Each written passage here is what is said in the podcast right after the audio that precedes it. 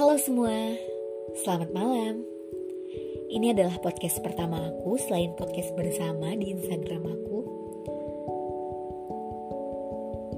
Berhubung ini adalah podcast pertama aku, aku akan memperkenalkan diri dulu deh. Perkenalkan, aku Yani Sylvia, remaja kelahiran 20 Januari 2004 yang bentar lagi ulang tahun. Bentar lagi 17 tahun loh. Ini tuh aku buat ini sesuai janji aku di IGS mau buat konten motivasi. Oh iya, aku mau kasih tahu nih. Di sini aku bukan mau ngajarin kalian, nyeramain kalian, atau sok tahu dengan apa yang kalian rasain. Aku di sini bersama kalian. Aku teman, perwakilan hati kalian. Aku sama kok dengan kalian. Yakin deh aku, kamu, kita semua nggak sendiri. Ada Tuhan, ada keluarga, teman-teman, bahkan ada orang yang di sekeliling kita yang baik dan peduli banget sama kita tanpa kita sadarin itu. Semoga kita bisa berteman baik ya. Oke, oke. Aku seneng banget kalian mau dengerin podcast aku ini. Udah ngeluangin waktu, aku berterima kasih banget. Oh iya, kalau kalian mau curhat, mau nanya atau mau ngomong apa aja, mau mengeluarkan apa aja, mau bertanya ataupun apa pun itu, kalian boleh DM aku di Instagram aku Yeni SLVIA underscore. Oke. Okay. Langsung kita mulai aja ya.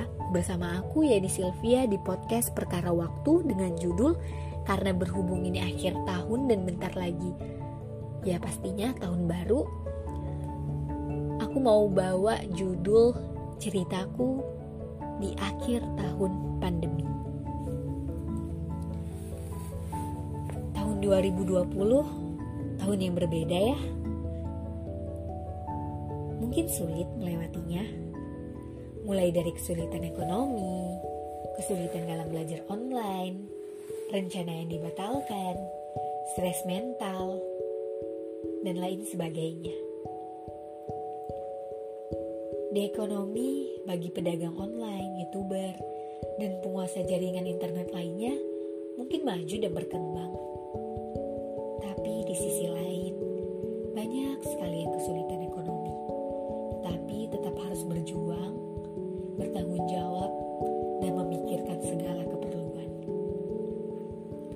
Bagi pelajar, ada yang menjadikan ini sebagai alasan untuk bermalas-malasan mengejar impian. Senang karena tidak bersekolah dan tidak terlalu terbebani dengan urusan sekolah lainnya. Tapi, di sisi lain, ada anak yang berambisi berusaha, keras mencari solusi Walau sulit, walau susah, mereka berjuang menuntut ilmu dengan cara mereka sendiri. Ada juga yang kesulitan beradaptasi karena asing dengan teknologi. Banyak juga yang tidak memiliki fasilitas, tetap berusaha keras menggapai mimpi. Memang, belajar online menurut aku tidak signifikan. Tetapi, Apakah kita harus memaksakan kehendak dengan apa yang kita inginkan? Ini bukan ini bukanlah alasan. Semua tergantung di diri kita sendiri. Tugas kita hanya beradaptasi, memikirkan solusi, dan terus optimis memikirkan ke depan dan apa yang akan datang.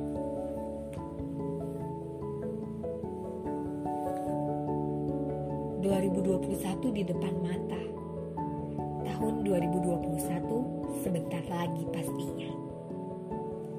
Mari hadapi dengan optimis. Harapan aku sih 2021 akan lebih baik dari tahun ini dan tahun-tahun sebelumnya. Apa pun yang akan dihadapi nanti, semangat ya. Waktu akan terus berjalan maju, tidak bisa diulur, berhenti, dan diulang. Jangan lupa berterima kasih untuk tahun 2020. Betapa bangganya dirimu karena telah melewatinya dengan tangguh. Oke, sekian podcast aku kali ini. Maaf kalau ada kata-kata yang belibet, kata-kata yang kurang pas, ataupun apa pun itu. Karena aku juga lagi belajar, ini juga lagi pertama kalinya aku buat podcast tunggal. Jadi maklum ya. Jaga kesehatan, sampai jumpa.